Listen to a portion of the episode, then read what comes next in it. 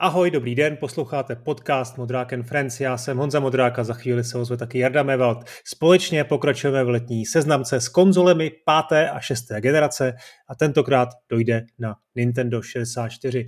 Vás teď čeká zhruba hodinové představení třetí velké konzole Nintendo a her na ní. Na platformách Hero Hero a Gazetisto je pro předplatitele i doplňkový rozhovor s pamětníkem Frantou Fukou.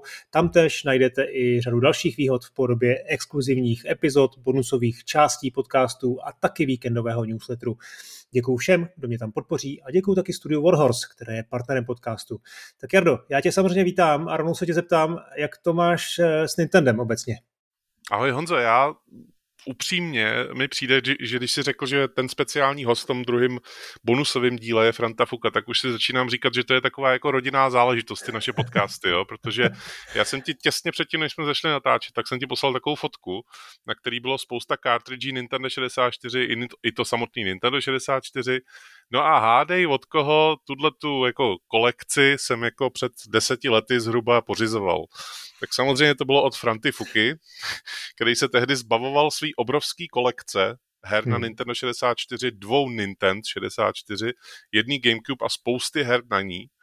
No a uh, jsem šťastným majitelem Frantovy sbírky, uh, kterou nastřádal za x let jako hraní na Nintendo 64, takže pokud si někdy hrál na jeho Nintendo 64, tak já ho mám teď konc doma. OK, tak tohle teda byl už rovnou s předstihem tvůj příběh, eh, jak jsi se dostal k Nintendo 64, ale úplně chápu, potřeboval jsi to dostat ze sebe. Eh, ale teď mi řekni, jak to máš jako opravdu s tím Nintendem eh, jako ze široka, jo? Kdy jsi se s ním potkal poprvé, kdy jsi se potkal poprvé možná s Máriem a máš ho radši než Sonika? S Máriem jsem se potkal samozřejmě mnohem dřív než s Nintendo 64. Byl jsem vlastníkem takových těch uh, konzolí, které k nám proudily zejména z Polska, na kterých bylo takový ty kazetky 100 a jedna hra. Samozřejmě se po šesti furt opakovali dokola, protože tam se nevyšlo tolik her. No ale jedna z nich, kterou jsem právě měl, tak tam byl jako ten úplně původní Super Mario Bros. A to jsem se k tomu dostal někdy, když mi bylo asi 8 a tehdy jsem jako to hrál docela usilovně, ale uh, rozhodně jsem jako to vlastně nevnímal v tom kontextu, jo, že to je jaký Mario, který je prostě super populární na celém světě. Ani jsem vlastně jako asi mi to mohlo dojít z toho názvu, jo, Super Mario Bros., ale já jsem tam neviděl ani toho druhého, tak jsem si říkal, jako jaký bráchové, tam prostě jenom jeden červený. Pak mi až zpětně došlo, že teda když hraješ ve, jako ve dvou vlastně hru pro dva hráče, tak tam je i jako jiná barvička, ale vlastně ta postavička byla stejná, jako ten Luigi nebyl jiný, byl, měl jenom jiný jako motorky. E, a e, pak jsem jako už jsem to říkal v minulém díle, hrál jsem i toho Sonika. Upřímně měl jsem radši Sonika než Mária. Ale poprvé, když jsem se já setkal s Nintendo 64, tak to bylo, to si naprosto úplně jasně vybavuju. Hledal jsem tady ještě před natáčením časopis, abych tím ho mohl ukázat aspoň na kameru. Ve skóre právě Franta dělal rozbor Nintendo 64.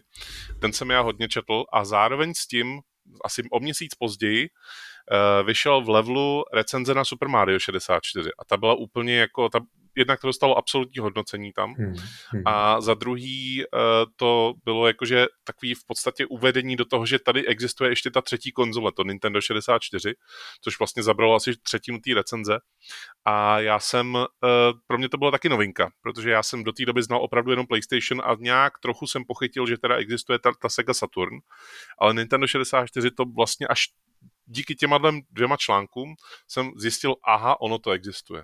Takže tohle byl můj jako úvod. Hezky. Tak jo, pojďme na téma podcastu. V těch předchozích dílech jsme probrali PlayStation a Saturn, teď nám teda zbývá třetí konzole té páté generace.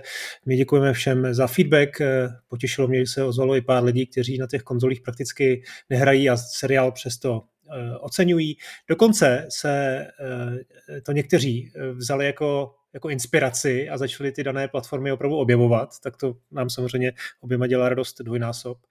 Feedback ten je důležitý a týká se to samozřejmě i chyb nebo nepřesností, kterých se můžeme eh, dopouštět. Eh, po minulém dílu o Saturnu jsem si sám od sebe ještě dohledával některé věci a musím se vrátit k jedné věci, která tady padla několikrát a to jsou celkové prodeje eh, konzole Segy.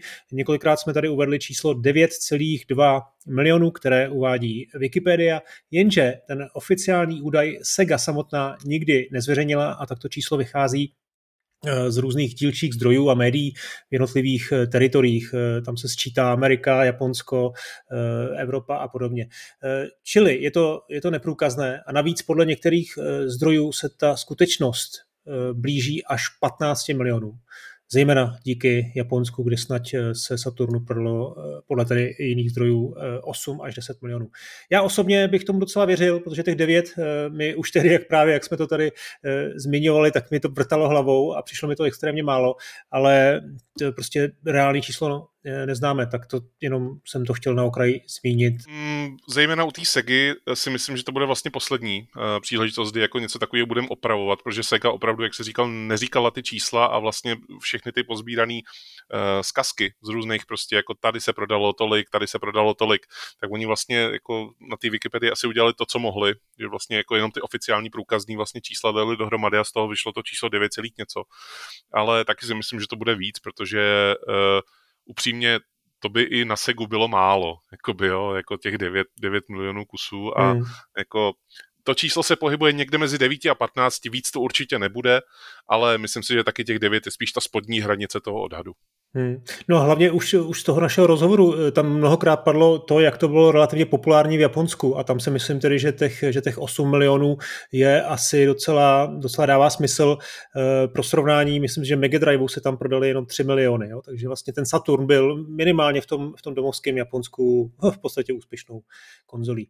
Tak jo, já jdu na to Nintendo 64, zase, zase teda zkusím to nějak um, ze široka představit, jak se ta konzole objevila, jak přišla a co to vlastně znamenalo a klidně do toho nějak můžeš vstoupit s postřehem, ať je to trošku rozmanitější.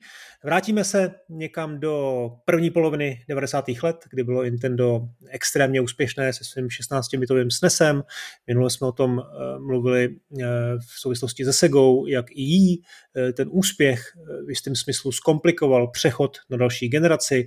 Místo toho soustředění se na nástupce Mega Driveu tak neustále vrstvila jeho expanze a rozšíření a snažila se těžit z té velké základny majitelů. Tohle vlastně, proč to zmiňuji, tohle do jisté míry postihlo i Nintendo, které se pohledem zvenku nijak nevzrušovalo tou aktivní a pracovitou konkurencí. PlayStation přišla v roce 94, Japonsku, respektive 95 na západě, ale Nintendo si stále vesele vydávalo velké hry na SNES. Například v roce 95 to byl Donkey Kong Country 2, nebo Yoshi's Island, v roce 96 Super Mario RPG, Street Fighter Alpha nebo Donkey Kong 3, Donkey Kong Country 3, pardon. Ještě v roce 97 Kirby's Dream Land 3 nebo Harvest Moon. Ta podpora samozřejmě byla, byla jako přirozená, jo? dokud nevíde nová konzole, tak musí vycházet nové hry, ale ty hry se opravdu dobře prodávaly a nešlo o žádný rychlokvašky. Jo?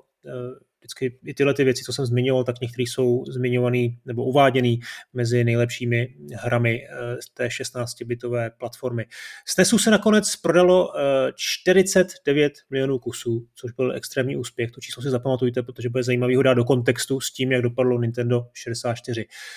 Ve skutečnosti, pochopitelně, vývoj nové konzole v Nintendo eh, probíhal, však je to zřejmé už z toho očukávání se Sony, kterou, které jsme tu e, zmínili.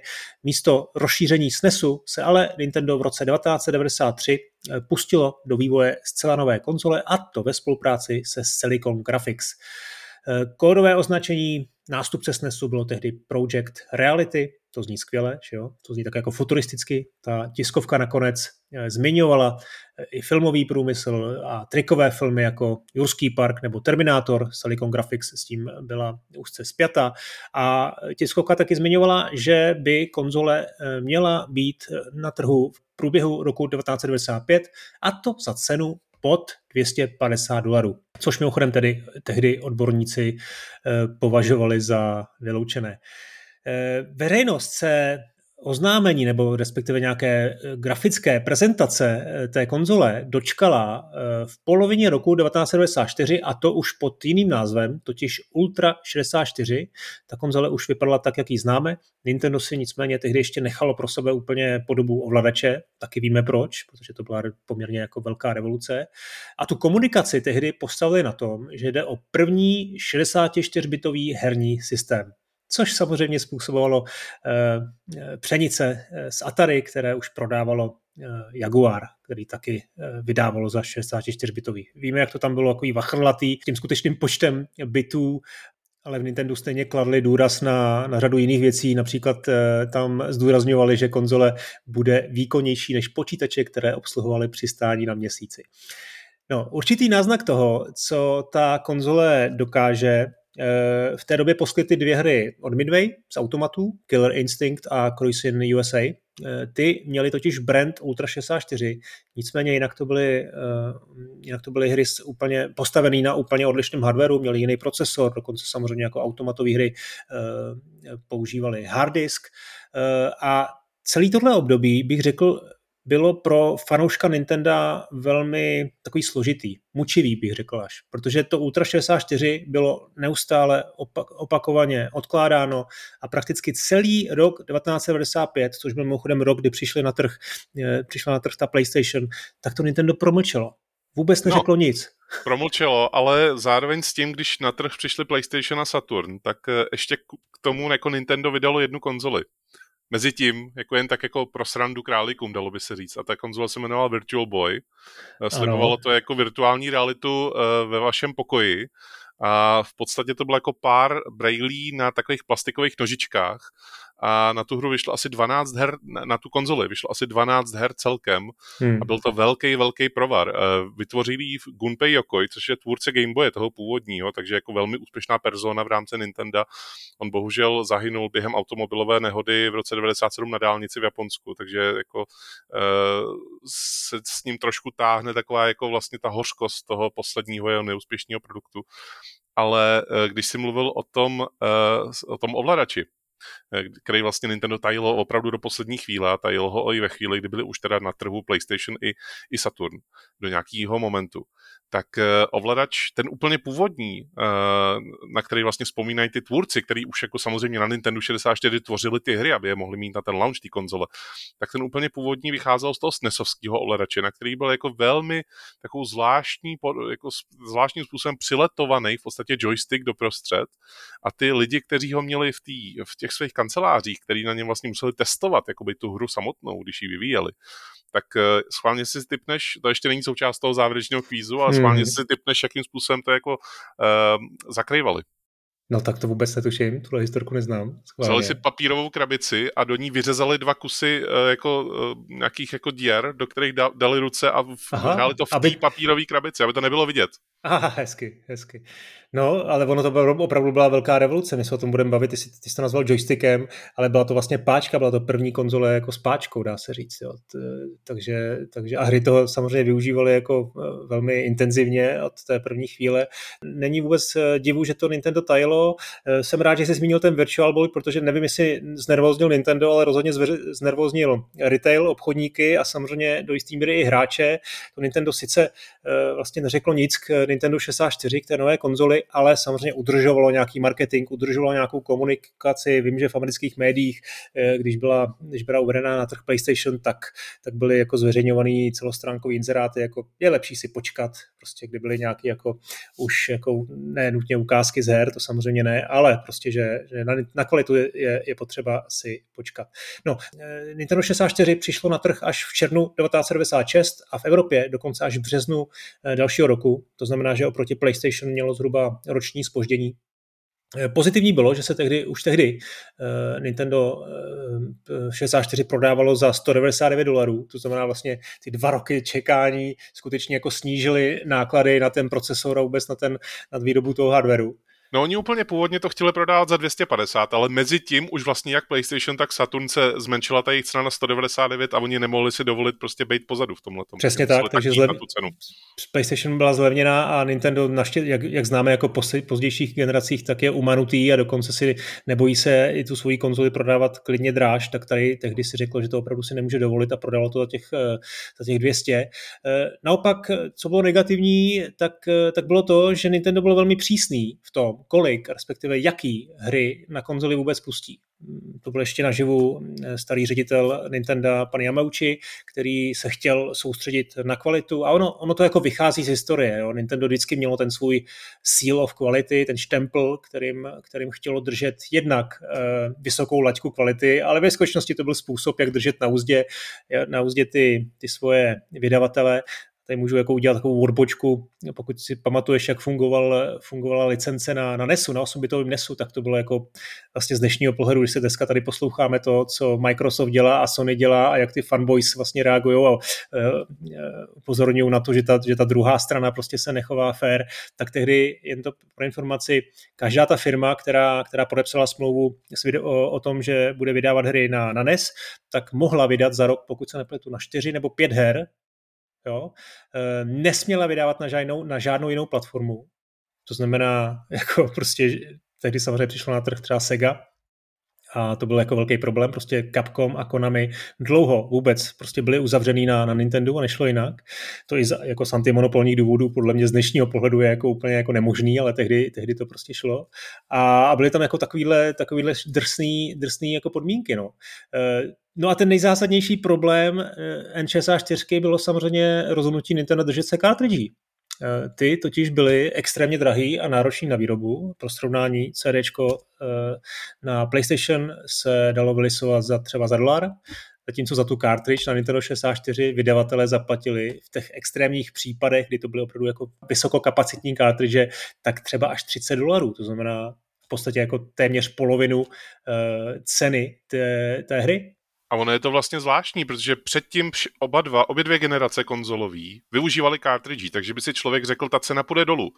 Ale ona nešla dolů z toho důvodu, že Nintendo bylo jediný, který využívalo ty cartridge. Samozřejmě jako uh, Neo Geo taky jako v té době ještě existoval jako konzole, bytí nepočítáme do té generace konzolový, ale jako uh, využíval taky cartridge. Ale z těch velkých hráčů Nintendo, Sony, Sega, tak Nintendo bylo skutečně jediný s těma cartridgema a um, pochopitelně, když jako všechny tři konzole nevyužívaly cartridge, tak ta cena za to, aby se vyrobila vůbec ta plastová krabička v úvozovkách a do ní se umístila ta, ta vlastně deska s tou, s tou hrou jako takovou, tak to stálo prostě hodně peněz.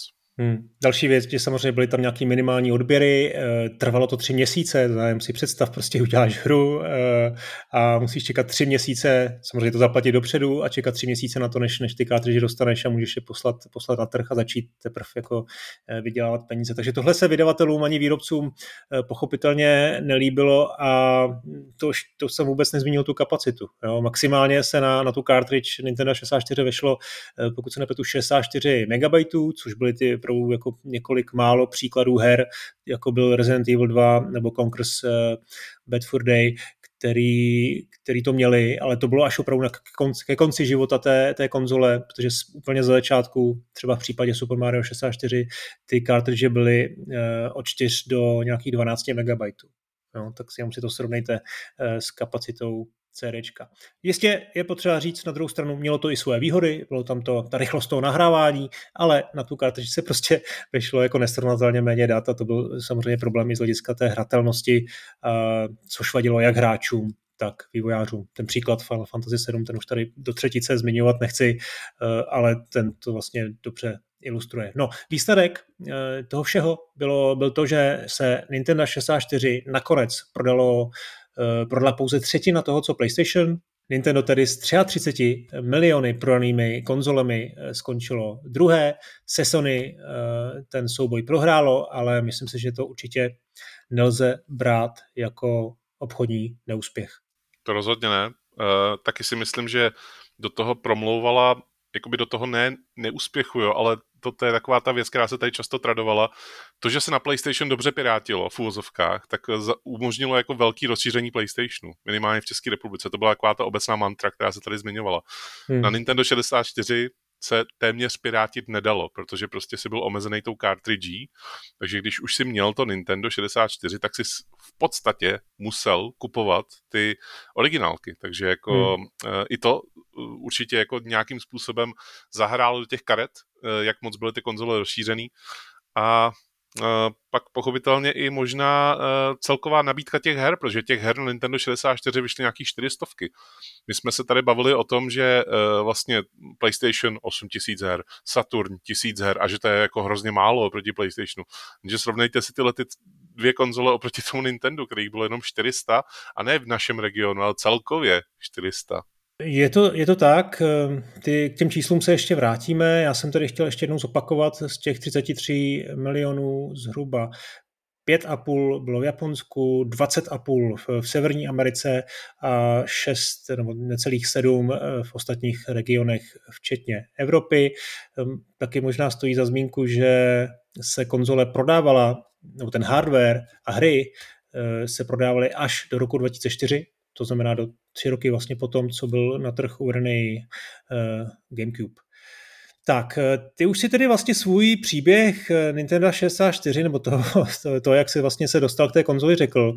No ale ve finále ne, já mám dva. Ještě, no právě, no, chtěl jsem se ještě do, do, dozeptat vlastně, co to teda znamenalo. Koupil jsi Nintendo 64 a co to pro tebe znamenalo, že jsi z domu přinesl tu konzoli. Já jsem si to dozhledal, on to Franta totiž psal na jednom diskuzním serveru, kam jsme společně jako chodili na Okoun, tak tam psal, že prostě se toho chce zbavit a že prostě mu za to někdo nabízí 2000 korun, tak já mu říkám, nabízím ti za to 2,5 a zítra si pro to večer přijedu. Tak mu říkal, tak jo. No a znamenalo to pro mě jako takový vlastně po strašně dlouhý, já jsem na Nintendo 64 nehrál, jako když jsem byl, když jsem byl malý, až na jednu teda výjimku, to, to hnedka řeknu za chvíli. Uh, ale uh, znamenalo to pro mě jako možnost vlastně zahrát si konečně ty hry v tom původním originálním balení, dá se říct, jako jo, protože já jsem je samozřejmě už v té době hrál třeba v nějakých emulátorech, ne v emulátorech těch jako neoficiálních, ale oficiálních, díky tomu, že znova vyšly třeba na Nintendo DS, nebo byly na nějaký Virtual Console, nějaký hry. Takže já jsem vlastně už se dostal k těm hrám na Nintendo 64, ale nehrál jsem nikdy na tom Nintendo 64, eh, protože jsem jako tam samozřejmě vnímal, že tam je potřeba ten zážitek si ozvláštnit v ozovkách i tím ovladačem, že bez toho ovladače to jako úplně nepochopíš vlastně, co na to bylo dobrý lomeno špatný. Eh, a díky tomu jsem se k tomu dostal. No. Jak jsi k té konzoli dostal ty vlastně? No vlastně, když na tím přemýšlím, tak eh, zase to bylo zase přes Františka, no, protože já jsem Eh, tehdy byl jako rizí písíčkář a hrál jsem střílečky. No a Franta ten, ten tehdy ještě na Mamedy eh, právě psala o tom, že si koupil Nintendo 64, založil tam na tom, o tom takovou jako jednoduchou webovou stránku, myslím, že to byla jako jeho soukromá aktivita, možná tady s tehdejším distributorem společností MPM, která jako funguje dodnes a, a zabývá se tedy modelařinou, tak eh, tak eh, od nich jako nějaký, nějaký hry třeba dostal, ale vlastně jako psal si takové jako poznámky k těm hrám a mě to jako docela nadchlo a vůbec jsem jako koncept konzolí tehdy jsem jako příliš jako nechápal, už jsem nějaký malý zkušenosti měl, ale, ale nikdy jsem žádnou nevlastnil. No a myslím si, že tak, tak trvalo možná půl roku, možná i rok a já jsem si, já jsem si nakonec to Nintendo eh, koupil, dokonce teď opravdu jako nejsem si tím jist, ale mám pocit, že mi to předtím i půjčil, já jsem to vyzkoušel, natknul se pro to. No a, a bylo to.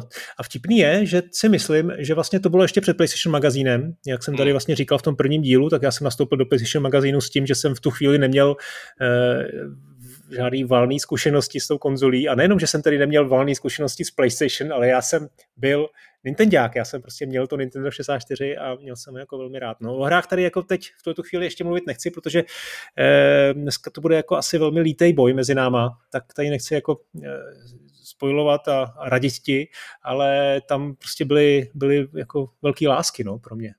Opravdu, opravdu jsem si to užíval a takový generální obecný pocit je ten, samozřejmě, že už jsem vnímal to, že v roce 97, 8, 9 ty hry na PC, to už byly 3D akcelerátory, jo, to už byly nevím, relativně jako velký monitory. Prostě ta, ten výkon eh, toho PC jako utíkal daleko dopředu. Jo? A, eh, ale jako tam jsem právě někdy začal jako oceňovat to, eh, že v tom to jako nejenom není, že tam jsou i jiné věci, že tam je právě ta, ten punc kvality toho Nintendo a něco hlubšího v hratelnosti. A No, takže tohle je vlastně pro tu moji herní historii strašně důležitý, že jsem, že jsem tohleto, tohleto seznámení eh, že, že tehdy udělal. Já myslím, že ideální host do toho bonusového dílu, protože oba 12 tomu evidentně přivedl on. Je to I tak. Když, já no, jsem musím... jako to měl vlastně na těch stránkách toho časopisu, takže já to měl zprostředkované. Ale musím teda přesat s Frantou, už to máme natočený, už to mám za sebou ten rozhovor, tak eh, bylo to takový jako hodně eh, duchocovský povídání v tom smyslu, že jsme neustále jako lovili v paměti, jak některé věci byly a, a byly, tam, byly tam jako dost dohadů a spekulací a už si to jako nikdo z nás, zejména on teda vůbec eh, nepamatujeme. Ale já mám Te... ještě tu jednu tu osobní historku, ano. Protože já bych to možná spojil ještě s jednou věcí, která byla taky jako synonymem té doby. A myslím si, že jako dneska vlastně jako mladí lidi, to je jako, nebo ne mladí lidi, kdokoliv, kdo by to chtěl zažít taky, tak to nemůže zažít, protože už se to nedělá, jakoby, jo. ale dřív, když jsi šel do nějakého většího obchodáku, tak tam většinou byla nějaká, nějaký stojan, jako z konzolí, u kterého si mohl jako chvilku zahrát. Jako, jo. Hmm. A já jsem chodil v Liberci do Hypernovy, kde byla eh, stojan z NHL 2000 a stojan s prvním driverem. A hned vedle toho bylo Nintendo 64, tak jako trošku bokem a tam si mohl zahrát Super Mario 64. Jo, takže já jsem je tam, to bylo to místo, kdy jsem si teda poprvé vzal do ruky ten ovladač a zkoušel jsem si tam něco jako skákat. Vůbec jsem to jako nechápal, já jsem jako vůbec nerozuměl tomu, proč to někdo považuje za totální revoluci. Už jsem to tehdy četl, jako že to je revoluční hra na stránkách časopisu. A nechápal jsem to z toho důvodu, že už jsem měl jako doma PlayStation s DualShockem. Jo? jo. Takže já jsem vlastně nepochopil vlastně, v čem se skrývá to kouzlo. Jak jsem si tam skákal s tím Máriem, líbilo se mi, že to jako hezky vypadá, že to je hezky zvučí. Hodně se mi líbila ta hudba už tehdy. Hřvalo to tam na, na oddělení elektroniky v Hypernově. A, a, e, ale víc, mnohem víc lidí prostě zaujalo hrozně hnusně vlastně vypadající NHL 2000. Jo, hmm. takže z toho usuzu, že to musel být konec roku 99, protože to bylo opravdu hmm. jako tehdy novinka. A že jo, tři roky poté, co vyšlo eh, Super Mario 64, tam stále měli ten stojan, Nintendácký. že jako pořád to tam jako, uh, asi tam byl nějaký nadšenec, nebo to prostě nechtěli odklidit, protože to prostě někoho bylo třeba jedno, ale tam byla ta první, ten první moment a dneska já upřímně nevím, jestli jako v oddělení elektroniky v obchodech, jestli se to stále ještě dělá, ale z posledních zkušeností třeba z posledního roku, kdy jsem byl, tak si myslím, že už ne, že už to tam jako takhle není. No tak dneska už ty herní eh, koutky a vůbec herní obchody jsou, jsou úplně jiné, než, než co byly tehdy.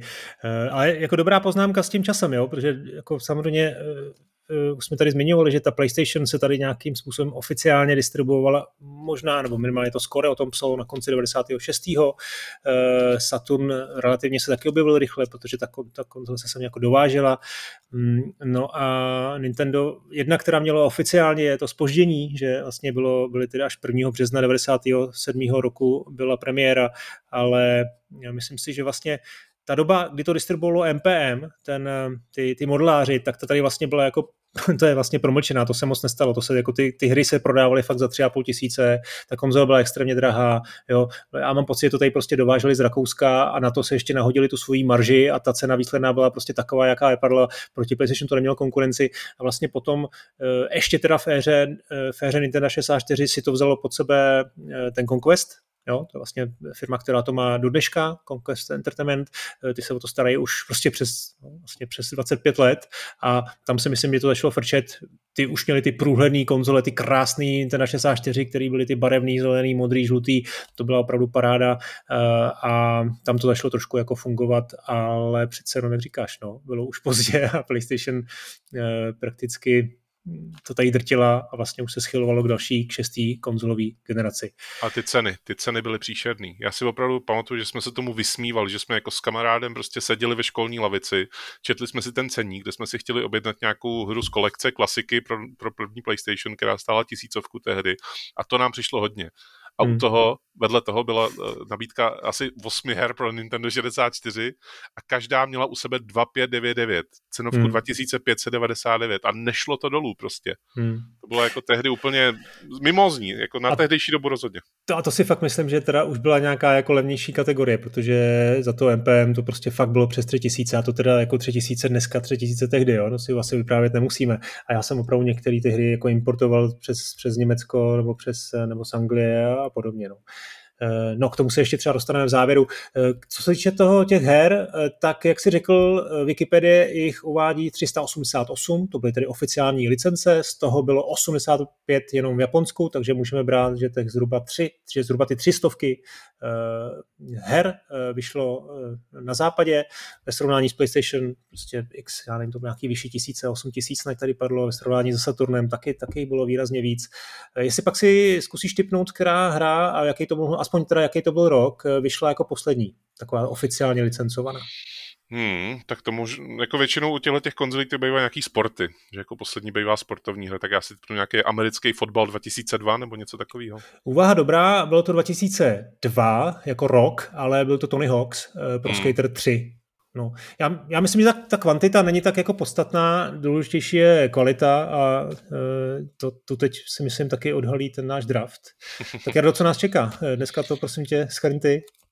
Dneska nás čeká opět eh, draft, to znamená, že se budeme střídat eh, v vybírání nejlepších her podle nás na Nintendo 64, je to náš osobní výběr, to znamená, že se neřídíme žádnýma žebříčkama top 25 nejlepších her na Nintendo 64, které si musíte zahrát na vašem zcela jistě legálním emulátoru.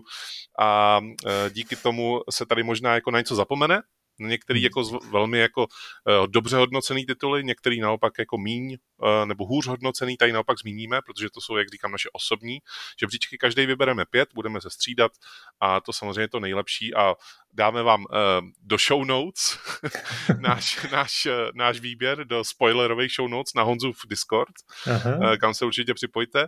A my budeme si asi to nejlepší na tom celém draftu je to, že si budeme ty hry vyžírat, protože já něco řeknu, Honza řekne, ale ne, to jsem chtěl říct já a obráceně. Tak Jardo, co bych dneska začal? No, ani náhodou. Co, já tě, já tě nechám příště ten Dreamcast. ne, ne, ne, ne, ne, ne. U Nintendo 64 je to uh, ovlivněný asi určitě tím, že první, podle mě první čtyři hry, to znamená dvě a dvě pro každýho, si myslím, že tam bude opravdu ta největší jako krvavá válka o to. Že jak no. A podle mě se to bude ještě mnohem víc od, odvíjet od toho, co Honza řekne jako druhý, protože já si myslím, že jako já mám jasný jako výběr, co říct jako první, jo, ale, Fakt, jo. No, ale uh, já si myslím, že to bude se hodně odvíjet od Honzy, protože je možný, že já mu něco seberu hnedka tím prvním výběrem, uvidíme. Tak jo, tak, začít, tak jestli, jo. Teda, jestli teda musí začít, tak jo, no já, teda, tak to nejde, jo, že bych to třeba, já jsem starší. to nejde, ne, ne, bohužel. Tak je to, to můj podcast, Jardo. Eh, já, já tuším, proč to říkáš, jo. Já tuším, protože ty nechceš, abych ti tu jednu důležitou jednu hru vzal. A já dokonce vím, která to je. Já ti, já ti, to, jako, já ti to jako uh, asi totiž nechám, jo, protože pro mě to není zas tak jako důležitá hra. Já bych měl třeba druhou, třetí. Tak pojď. Teď Dobře. mě uklidnil trošku. Uh, moje první hra je Super Mario 64. Uh, je to jak jsme už tady zmiňovali, to plošinovka. Je to první hra, která na Nintendo 64 vyšla, společně s Pilot Wings 64. Eh, dlouhou dobu jste si mohli koupit Nintendo 64 a tyhle ty dvě hry a žádná jiná nevyšla. V Japonsku teda vyšla ještě třetí a ta se do Evropy a Ameriky nedostala. A eh, Super Mario 64 byla eh, hra mnoha prvenství, jak se, jak se jako tak říká. Byla to první hra, kterou jste ovládali skutečně tím analogovým joystickem společně s Knights. Uh, Knights byly zhruba ve stejnou dobu. Uh, bavili jsme se o nich v tom Saturnovém díle. Byla to první hra, uh, nebo první hra, byla to jedna z her, která umožňovala takzvanou interaktivní hudbu, to znamená, že jste jako skočili s postavičkou Mária do vody a přidali se housle do toho soundtracku. Vyskočili jste z vody a housle se zmizely, na, na, nastartoval tam jiný nástroj. Byla to hra, která převedla vlastně tu 2D hratelnost Mária do trojrozměrného prostoru a převedla ji úplně jako takovým způsobem, že, že vám z toho zůstávaly oči na vrch hlavy. Mě teda ne v tom roce 99, protože už jsem měl za sebou třeba ten Ape Escape nebo Crash Bandicoota nebo Spyra v té době.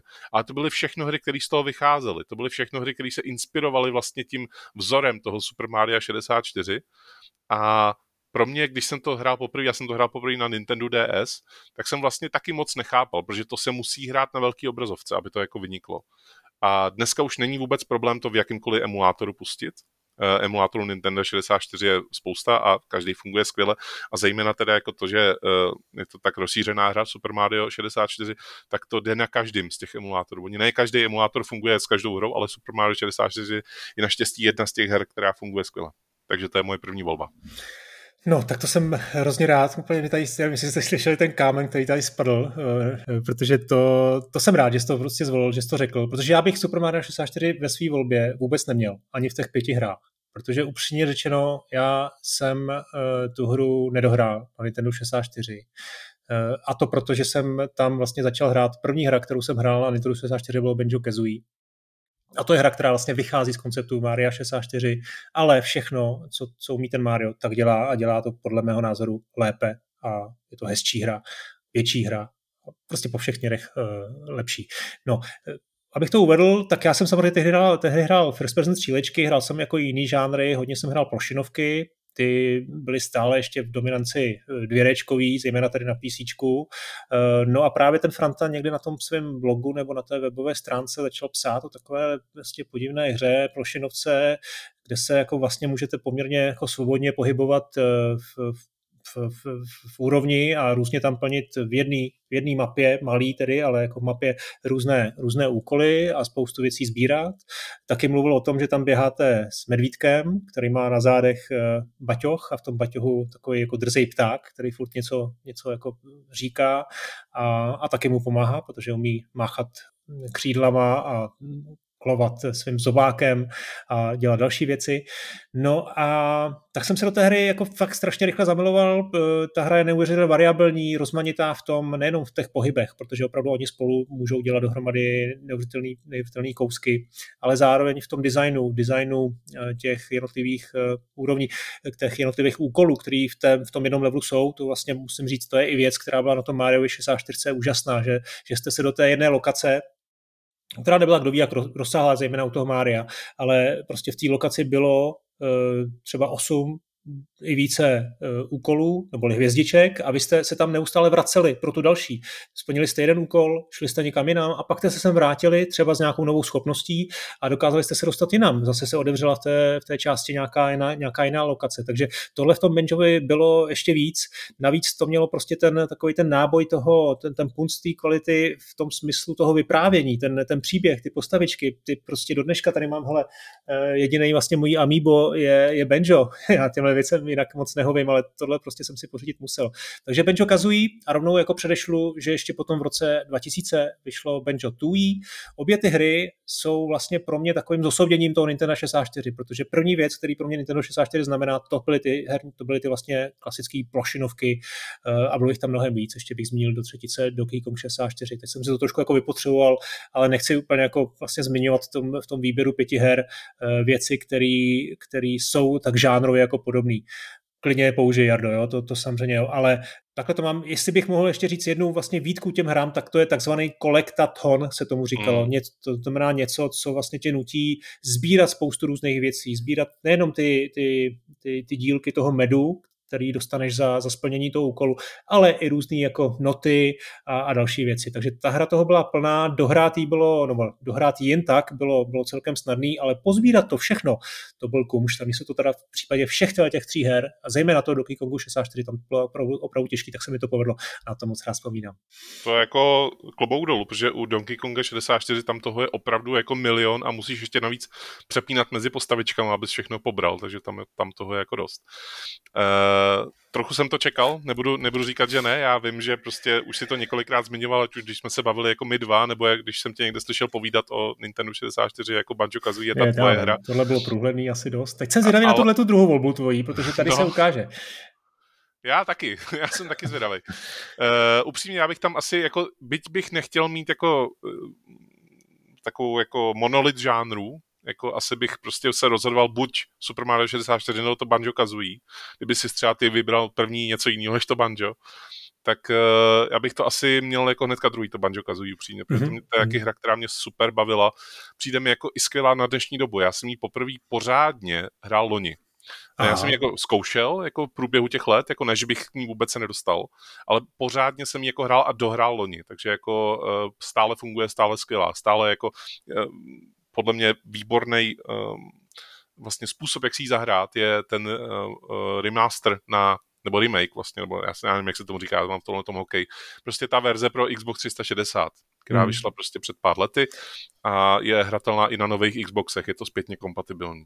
Jo, to je spíš remaster a jenom, jenom dodám teda, že druhá varianta je, pokud máte Switch online, tu službu, tak tam uh, si mezi těmi Nintendo 64 hram, hrami můžete zahrát i oba, oba díly Benja, což je super, protože eh, Rare, jak známo, si koupil Microsoft, tím pádem musel Microsoft zvolit k tomu, že Nintendo tam má tady, tady, tady, ty, tady ty dvě hry uh, a tady ta verze má jednu mm, drobnou výhodu, respektive vůbec všechny hry na Nintendo hmm. na, na Switch Online mají výhodu té rewind, rewind funkce, že si můžete, pokud se vám něco nepovede, tak si to můžete snadno, snadno vrátit o pár vteřin dál. Jednou větou ještě řeknu, můj nejoblíbenější díl Banjo Kazooie je ta Nuts and Bolts pro Xbox 360. To mě opravdu tehdy jako nadchlo jako neuvěřitelně. Vůbec tebe dal, to je Pojď, řekni Dobře, druhou hru. Moje druhá hra je GoldenEye 007. Eh, je to střílečka, je to důmovka, eh, která vyšla v roce 97, tuším. A eh, je to hra, která totálně podle mě předběhla svoji dobu. Ve všem, úplně ve všem. Kromě, kromě toho, že se dneska jako strašně těžkopádně ovládá na tom Nintendo 64, tak je to skutečně jako hra, která položila základy dávno předtím, než byl Half-Life. Dávno předtím, než jako se povedlo vlastně zakomponovat příběh do her, eh, do FPS k nějakým jako smysluplným způsobem a eh, aby jako zároveň si ho i ten hráč všímal třeba a záložil mu na něm, tak eh, to se povedlo v tom GoldenEye 007. A kromě toho, jako ono se na to často zapomíná, ale když jsou takové ty otázky, třeba když jsem dělal jako podcasty na hry a tam přišla otázka, jaká je nejlepší hra podle filmu, tak jako strašně často se zapomíná na to GoldenEye 007, protože to je skutečně jako asi ta nejlepší hra jako podle filmu. No to vychází samozřejmě z Jamesa Bonda, uh, je tam mixování nejen jako toho Zlatého oka, což je ten film, ze kterého to vychází, ale tam mixování i jiných dalších dílů vlastně uh, série James Bond, uh, ať už multiplayeru nebo singleplayeru. A uh, to, co je k tomu asi potřeba říct, je to, že ta hra je neuvěřitelně zábavná, hlavně jako pro znovuhratelnost. Ona jako, když to dohrajete poprvé, tak to je jako vlastně takový jako tutoriál. Teď to můžete dohrát po druhý na vyšší obtížnost a ne, ne, že nepřátelé jsou silnější, oni jsou silnější, ale máte nový úkoly vlastně, když jako zvyšujete tu obtížnost a díky tomu vlastně máte jako novou hru, dá se říct, protože chodíte do místností, ve kterých jste vůbec chodit nemuseli. E, musíte si dávat pozor na to, abyste nevystříleli všechny, všechny náboje ze zásobníku, protože se samozřejmě se zvyšující obtížností snižuje, e, kolik nábojů máte. A jediný, co mi přijde škoda u této hry, je to, že nevyšel ten, ten remaster, který e, vlastně tvůrci plánovali. On vyšel jenom remake, ta, ta původní verze vyšla znova na Switch a na Xbox One a nebo na Xbox Series. Hmm. A, tam bohužel jako, ne bohužel, člověk si spíš říká, jako co mohlo být. Jako ona ta hra se totiž hraje furt skvěle, ta bude původní. Ale, až na to eh, ovládání, to je hrozně pikantní, že vlastně to, to ovládání vyšlo před Halo nebo před tím, před tím hmm. vznikem toho nového industry standardu a tak jako to docela vtipný hrát GoldenEye uh, s tím původním ovládáním. Prostě to je prostě proti mozku, že úplně jde proti tomu, na co jsi jako poslední 20 let zvyklý.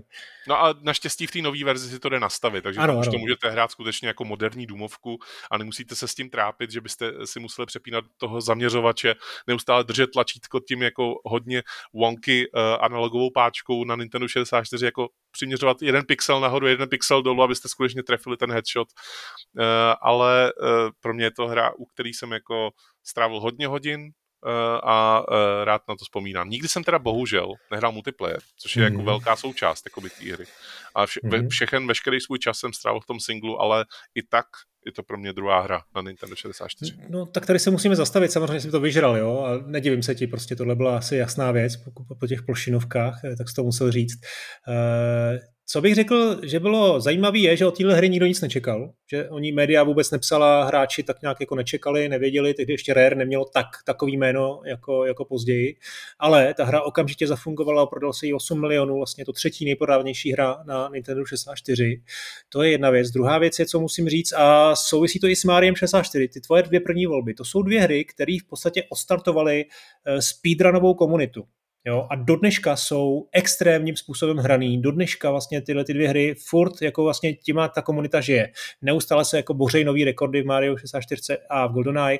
A i když by třeba posluchače tyhle ty dvě hry třeba jako nezajímaly ve smyslu, že si je chtějí zahrát, tak strašně moc doporučuji eh, dohledat si nějaké jako videa, nějakých rekordů, je toho plný YouTube eh, eh, a je to neuvěřitelně zábavný se na to dívat, jak ty lidi jako jsou schopní jako překonat rekordy a jak ta komunita to vlastně jako ukusuje ty, ty vteřinky. Možná rovnou doporučíme jeden kanál Karl Jobst, který vlastně na tom jako vyrostl. To je, on začal vlastně speedrunovat GoldenEye 007 a doteďka vlastně nahrává nový videa nejen z GoldenEye 007, ale i z her jako Quake a tak dále.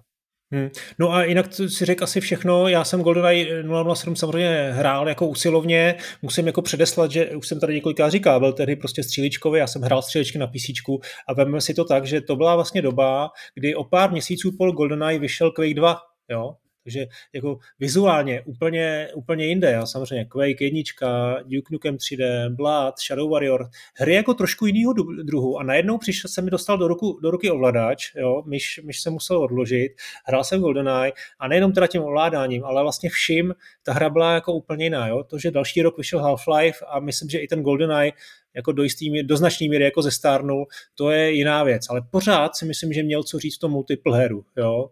To, to bylo fantastické a součást toho bylo samozřejmě, že si jako mohl koukat na ty, na ty ostatní části toho, té televize a sledovat, eh, kde jsou, kde jsou soupeři nebo tvoji kamarádi a to, to bylo skvělé. No, já musím vlastně navázat eh, a tím, že jsi mi to vyžral, tak já řeknu Perfect Dark. Já řeknu Perfect Dark, hra z roku 2000. Je to zase hra od Rare, je to vlastně volný pokračování GoldenEye, protože tehdy, nevím, jestli se řešila licence, eh, další bondovky, myslím, že to na chvilku na pořadu nebylo, ale zkrátka nedošlo k tomu, tak dostali, dostal ten tým eh, vedený Martinem Hollisem eh, za úkol vymyslet vlastní, vlastní IP a vymysleli takovouhle jako scifárnu. V jejím čele byla Joanna Dark, byla tam ženská hlavní postava, což jako dobře, Tom Raider, Lara Croft, ta už samozřejmě existovala, fungovala, ale myslím, že to furt bylo docela ještě jako poměrně, poměrně odvážný, byly tam nějaké jako konspirační jako příběhy, celý jako ten, ten lore byl poměrně dost jako pro, propracovaný. Ta hra vlastně nepřinešla nic zásadního revolučního a jak jsem říkal, už vyšel Half-Life, to znamená ten single player prostě byl dotažený, bylo tam spousta větší, větších věcí, hezčích věcí, jako bylo toho víc samozřejmě, mělo to vyšší, rozli, no, vyšší rozlišení, bylo to jako mnohem hezčí, protože, protože to využívalo ten expansion pack, pokud jste si zahráli, pokud jste měli, měli rozšíření paměti, který se dávalo do, do Nintendo 64, tak ten Perfect Dark vypadal, vypadal o něco lépe, e, taky díky tomu šel hrát, šel hrát vůbec kampaň, ono to nešlo hrát bez toho. Myslím si, že ty multiplayerové funkce tam některé byly dostupné i bez toho, ale ta kampaň byla dostupná jenom s tím expansion packem. Takže Perfect Dark taky za mě jako výborná střílečka. A já jsem prostě zjistil, že i s tím ovračem to jde, Nakonec potom i na PlayStationu vyšlo, vyšlo pár velmi slušných first person stříleček, který, který prostě fungovaly dobře, eh, to už jsme tady zmínili, a, ale v tomhle prostě Nintendo 64 je to jeden z mála žánrů, a možná, že ty, ty další teď ještě zmíníme, ale prostě jeden z mála žánrů, kdy vlastně souhrně musím říct, tady ty dvě hry se postarali o to, a nejenom tady ty dvě, byly tam i další, jo, Quake 64 a podobně, se postarali o to, že to Nintendo, ku podivu, a jestli to bylo tím ovladačem, nevím, tak eh, ve střílečkách eh, prostě PlayStation bych řekl jako natrhlo zadek, no. Rozhodně. Moje další hra dokonce, střílečka tak trochu je, Aha. Uh, ale ne úplně. Eh, a trošku zariskuju tím, že ji beru na třetím místě, ale nemůžu jinak. Prostě já k té hře mám vyložený jako vztah, jako takový, že mám jí rád jako tu hru. Eh, a je to Shadows of the Empire. Eh, je to mhm. Star Warsovská věc. Je to původní Star Warsovská věc s hlavním hrdinou Deshem Renderem. A to, co mě na týře upoutalo, byl samozřejmě ten první level, ve kterém jako lítáte se stíhačkou na planetě Hot a omotáváte vlastně AT-ATs jako um, takovým tím uh, kabelem, aby, aby mohli spadnout dolů. A v tu chvíli jako jsem byl totálně lapený, protože ten jako, ta, tu úroveň jsem viděl nejdřív na PC. A, ta a tam to nebylo moc dobrý, ne? Na tom PC, nebo jo? No, bylo to takový, jako že už to vyšlo jako vlastně pozdě, jako jo. Ono to vyšlo hmm. sice jenom o půl roku později, ale už to přehlušili jako hry, které jako prostě vypadaly líp. Okay. A, a, nabídli toho víc, protože ona ta hra vlastně se dá dohrát asi za dvě hodiny, celá. Okay, to je jo, takže prostě jako je to taková arkádovka, jako dá se říct, ale ona to kombinuje jako tři uh, žánry. Ona to kombinuje důmovku, že byste mohli vlastně se přepnout do režimu první osoby a střílet vlastně v nějakých hmm. úrovních, které k tomu byly určený. Pak to kombinuje ten um, vesmírný arkádový simulátor, simulátor samozřejmě s velkýma uvozovkama, ve kterém jako lítáte se stíhačkou a střílíte po, po nepřátelích a nebo omotáváte AT-AT nějakým, nějakým kabelem. A třetí je plošinovka, protože vy ovládáte jako i toho deše z pohledu třetí osoby, skáčete přes přes plošinky a snažíte se postřílet nepřátelé, kteří tam jako běhají proti vám, takový jako trošku Ratchet Clank. A já jsem, jako, já jsem si naprosto jako vědomý toho, že spousta lidí se teď jako ušklíbne a řekne si, ježiš, taková blbost a on to má na třetím místě, jo. Ale pro mě je to hra, která mě v podstatě kdybych jako viděl jenom tuhle hru, tak mi to prodá skoro celý Nintendo 64 jo, v té době. Protože mně, mně se to fakt líbilo. Jako graficky se mi to strašně líbilo. Líbilo se mi ten úplně první level, já jsem ho hrál furt dokola na tom PC. A strašně moc jsem byl jako investovaný vlastně do toho, že jsem si furt četl recenze, koukal jsem na ty obrázky, samozřejmě tam jako nebylo jako nikde jako výrazně napsaný, že ta hra trvá dvě hodiny a že to je spíš taková jako oddechovka, kterou jako uh, můžeš zapomenout za rok zase. Ale když jsem v roce 2011 byl v Edinburgu na dovolený a šel jsem do, nějakého, do nějaký restaurace, tak tam barman měl na, na baru přidělanou jako lepící páskou tu cartridge uh, Shadows of the Empire. Já jsem říkal, to by bylo dobrý, kdybych si ji jako koupil. Zeptám se ho, kolik stojí. A on říkal, no to není na prodej, chlapče, to je moje oblíbená hra, to, jako, to není na prodej, to tady mám, abych na ní mohl koukat vždycky, když jsem v práci a mám blbej den. tak, tak, to bylo jako opravdu, jako tím mi trošku mluvil z duše, ne, že bych jako na tu hru koukal, když mám blbej den, ale prostě mám k ní nějaký vztah. No hele, vůbec absolutní překvapení, ale o tom ten draft taky nakonec je, že i v tom hokejovém draftu občas tam vyskočí nějaká něco nečekaného v tom prvním kole, tak eh, to mě překvapil. No. Já nevím, jestli tě překvapím, ale když jsem tady mluvil o těch žánrech, který, který prostě na Nintendo třeba fungovaly a tře- některý třeba nefungovaly, tak já myslím, že žánr, který to měl na Nintendo velmi těžký, byly závodní hry. A to byla proto, že prostě konkurence na PlayStationu i díky tomu CD-ROMu, díky těm kapacitám samozřejmě byla, byla obrovská.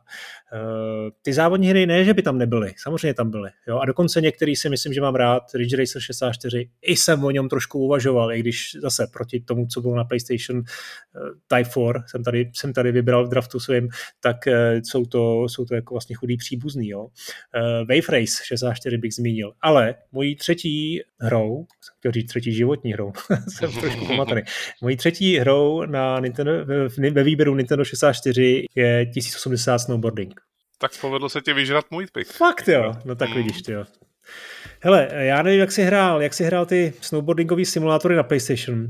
Tam, hodně, byly, tam, jich byly, hodně, tam jich bylo taky dost velmi dobrých, Cool Borders, jo, asi, asi bych jako měl zmínit, ale to prostě se vůbec nedalo srovnat s tím letím, protože 1080 měla, úžasně vypadala, jo, ten sníh, tam prostě prašan, vypadal jako prašan, byly tam odrazy od sluníčka, byl tam ten hluboký sníh, byly tam prostě ten vyježděný sníh, ledový sníh, všechno krásně jako vypadalo. Stopa uh, za snowboardem, to bylo to, to, co to zase mě prodalo, ten efekt. Tak, tak, tak. Uh, jasně, ta byla hrozně jako detailní, že jo? tam si viděl prostě ten, ty, ty, ty, ty, nějaký ty čáry v tom, v tom, v té skuznici. Ale hlavně ovládání to, jakým způsobem tam bylo responsivní to ovládání, tu hru, ta se dala, když jsi to naučil, tak se dala hrát jednou rukou.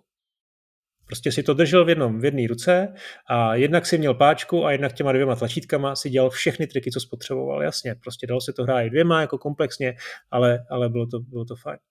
Jasně, nemělo to nějaký dokonalý uh, soundtrack, nebo minimálně to nemělo prostě ten redbookový soundtrack, uh, audio soundtrack, prostě, který předpokládám měli nějaký tehdy na tom PlayStationu, a pozdější, ale to skvěle se to hrálo i v tom single playeru, jo? nebyla to jenom multiplayerová hra o tom, že bys tam jako nějak jako prostě válčil o skore, ale byl to jako relativně slušnou kampaň a jedna z věcí, které na tom Nintendo fungovaly skvěle, možná se dneska už tak jako ne, ne, ne, nebývají v těch seznamech nejlepších her na Nintendo, ale podle mě prostě jako v tom mým jsou. Jak říkám, Vyžral jsi mi to, já to měl taky, jako připravený jako jednu z těch pěti her, takže budu se muset rozhodovat, jako budu muset volit asi jinou závodní hru, ale teď nepřijde je, čas závodní dnes, hry. Teda. Dneska je to jedna jedna na vyžírky, no tak co tam máš ty? Uh, čtvrtou, čtvrtou hrou v mém seznamu pěti nejlepších her na Nintendo 64 je Conker's Bad Fur Day. Hmm. Uh, plošinovka, uh, plošinovka, která uh, tak trošku zase vychází z toho odkazu Super Mario 64, ale to, co je na ní super, není to, že to je plošinovka. Není to, že to je jako uh, hra, která měla, tuším, že to je zapsaný v Guinnessově knize rekordů, jako nejvíc věcí na té cartridge, jako ze všech her na Nintendo 64, tak měla právě Conquer's Bad for Day. Okay. Ale je to, je to sprostota a hlavně soundtrack uh, té hry, ten je úplně neuvěřitelný a je zpívaný dokonce v některých ohledech, v některých momentech. A to se povedlo nadspat na tu cartridge, to, ten zpívaný soundtrack. Myslím si, že jedna písnička za všechny Great Mighty Pooh tak tu si myslím, že tu si najděte, ta, ta vás jako, ta vám poprodá celou tu hru. Ale kromě toho, že prostě to bylo jako se na to moc, moc hezky koukalo, ono to mělo takový jako pěkný look, jako by celá ta hra, tak uh, to bylo hrozně vtipný. Celá ta záležitost byla strašně vtipná, to byla parodie vlastně na spoustu různých věcí, pak vlastně pokračování Conquest 12 Tales, tak to vlastně bylo uh, ještě mnohem víc parodie, tam se parodovaly konkrétní filmy a tak, ale uh, Conquest Bad Fur Day byla první a povedlo se jí Eh, udělat takovou jako extrémně zábavnou záležitost, která nikdy nebyla úplně zábavná hrát, to, to jako se přiznám. Ale bylo zábavný na to koukat a bylo zábavný si vlastně někdy po x letech zase najít ty highlighty z toho na YouTube třeba a jako říkat si, jo, to, tohle to tam vlastně bylo a tohle už jsem zapomněl, to bylo skvělý. A díky tomu to vlastně ve mně žije dál, že jako pro mě nežije hmm. ta hra, jako že bych si ji hrozně chtěl zahrát teď konc, ale žije pro mě to, že mám nějaký obrázek zase té hry a říkám si, ježiš, to bylo skvělý, když jsem to jako hrál a to bylo skvělé, když se na to teď můžu můžu podívat, vlastně takových her se moc nedělá. Jo, jo, super, určitě se o ní taky uvažoval, je to, je to zajímavý, fascinující příběh i z pohledu toho, že to Nintendo většinou bylo dost restriktivní v obsahu, který na svý, na svý konzole jako pustilo a tady nešlo až tak o násilí, jako spíš o, o, o něco, co bych nazval jako jednoduše z prostárny, jo, hmm. a opravdu to, ta hra byla jako dost jako zahranou. E, já osobně tedy mám jí, mám tu cartridge, ale vlastně jsem to potom hrál velmi, velmi brzy to vyšlo, protože to byla jako těsně před tím nákupem Microsoftu, který Rare odkoupil a potom tu hru v takovém jako dost vylepšeným eh, no, remakeu vydalo na Xboxu, na tom starém prvním Xboxu, takže tam jsem to, tam jsem to hrál já, tam to mám, tam to možná v tom příčku bude, ty teď jsem ti to vyspojoval, tak ty mi to tam nevemeš, protože... No, mi by to nebylo, mi by to nebylo. Tak, takže to, je, to jsou třetí hry, eh, to, je, to vlastně to byla tvoje čtvrtá a mojí čtvrtou hrou je Mario Kart 64. Mm. Mario Kart 64, kartovka, vlastně to je další závodní hra, kterou tam mám, ale teď to je opravdu závodní hra. A jakoby, co k tomu jako dodat, tady se asi moc dlouho zastavovat nemusíme. Prostě výborný Mario Kart, ten už vyšel na, na SNES v 92. a tohle byla naprostá topovka hra, která prostě byla vymazlená. Jasně, když to hrál ve čtyřech, tak ta grafika už jako v těch čtyřech okýnkách jako nebyla kdo ví jaká, moc daleko si neviděl, ale bylo to už 3D, bylo tam tyjo, kolik 16 tratí, Eh, ve čtyřech eh, pohárech. Já musím jako říct, co možná jako Lecko překvapí, je, že ta moje zkušenost s tou hrou je, řekněme, ze 70%, možná 80% single playerová. Já jsem tu hru prostě, já jsem té hře propadl jako sám, já jsem si to prostě hrál uh, při uzávěrkách uh, sám, neustále jsem tam jako ladil ty rekordy, prostě jsem si tam dal jenom, jenom jen tak ten pohár uh, nejtěžší, nejrychlejší a zkoušel jsem to vyhrát a buď to vyšlo, nevyšlo, odložil jsem, čel jsem dál, byl to jako, jako casual zážitek. Ten Mario Kart takhle funguje do dneška, samozřejmě dneska to hraju hlavně jako rodiče s dětma, nebo děti, děti proti sobě, eh, ty prodeje nemusím, nemusím vysvětlovat, prostě vždycky každý ten kvartál, když to Nintendo jako představí svoje prodeje, tak tam zase je prostě další milion nebo dva miliony prodaných eh, kopií eh, nového Mario Kart, tak tady to prostě začalo u té 64, no, pro mě. Souhlasím. Je, to vynikající záležitost. Pro mě už je třeba překrytá jakoby těma pozdějšíma dílama toho Mario, Mario Kart vlastně série a zhled zejména teda tou osmičkou, tou poslední, která jako opravdu jako to válcuje totálně a vlastně díky tomu, že tam už se objevily snad úplně všechny tratě z Nintendo 64, tak uh, vlastně ne, není hmm. potřeba už no dneska určitě, hrát no. jako verzi Nintendo 64. No. Ještě jsi mi ale eh, připomněl jednu věc a to by bylo dobrý zmínit je, že ještě jedna vlastně podobná kartová hra na Nintendo 64 vyšla a vlastně to, co jsem řekl eh, o tom, jak jsem si to užíval jako v single playeru, tak to by mělo spíš nasvědčovat, že jsem si měl dát tu druhou. Jo? A to je Kong Racing, což byla zase teda kartovka, kde jste jezdili s těmi postavičky ze světa uh, Rareu uh, a musím vlastně říct, uh, že to je skoro jako 50-50, jo, obě ty hry mám, mám moc rád, ale v té rizí zábavě a možná i té čisté jednoduchosti prostě ten, ten Mario Kart vyhrál. Moje poslední hra pro moji vysněnou mini konzoli Nintendo 64 Uh, já se teďko rozhodu mezi třema, jo, protože... Uh, no to ne, to ne, to, to neříkej já vím, to. já vím, ono to došlo do takového stavu, že já jsem trošku doufal, že mi něco vyžereš a to ti mi ulehčíš, jakoby to rozhodování. Aha. A nestalo se, protože evidentně, no, nebudu to říkat, to se, když tak povíme u těch her, který se nedostali do těch pěti, jo. ale chybí mi tam závodní hra, chybí mi tam RPGčko, takže se budu muset rozhodnout jako mezi těma těma dvěma a asi to dopadne na to RPGčko. ale možná i tenhle ten pick jako bude překvapivý, protože já vyberu Legend of Zelda Majora's Mask. Hmm. Uh, pro mě je Majora totiž lepší hrou než Ocarina z jednoho prostého důvodu. Já jsem se k Okarině dostal strašlivě pozdě. V době, kdy už jsem dávno hrál jako všechny hry, které vycházejí vlastně z té Ocariny. Ocarina byla extrémně um, vlastně ovlivňující pro spoustu vývojářů, pro spoustu her. Eh, všichni se ji pak snažili napodobit tím velmi jednoduchým ovládacím schématem, tím, že vlastně eh, pobíháte po velmi otevřeném světě, eh, tím, že tam používáte spoustu věcí, nejenom ten boj, ale že tam třeba využíváte některé předměty a že vlastně těch věcí je tam spousta. Ale, ale, to velký ale. Majora's Mask pro mě má jako velký plus v tom příběhu a v tom jako stylu hraní.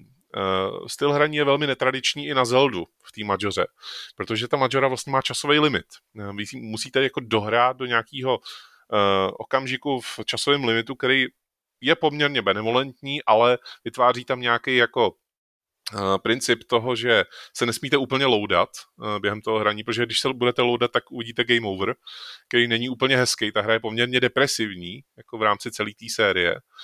A Eh, díky tomu ale si získala jako speciální místo v mém srdci, protože zejména teda ten remake pro 3DS, ten mi přišel úplně neuvěřitelný, jako vlastně, že to byla hra, která by mohla být v ten daný rok a vůbec bys to nepoznal. Ta hra vůbec jako nezestádla v tomhle ohledu, protože jako nic jiného jako není, jako, jako Majora. Jo, Majora má skvělý soundtrack, má skvělý uh, lokace, má skvělý eh, postavy, který zase vycházejí z té Okariny. Jo? Ona to je v podstatě pokračování Okariny, přímý pokračování Okariny, uh, protože to vypadá i stejně. Jo? A vyšlo to o, o dva nebo tři roky později.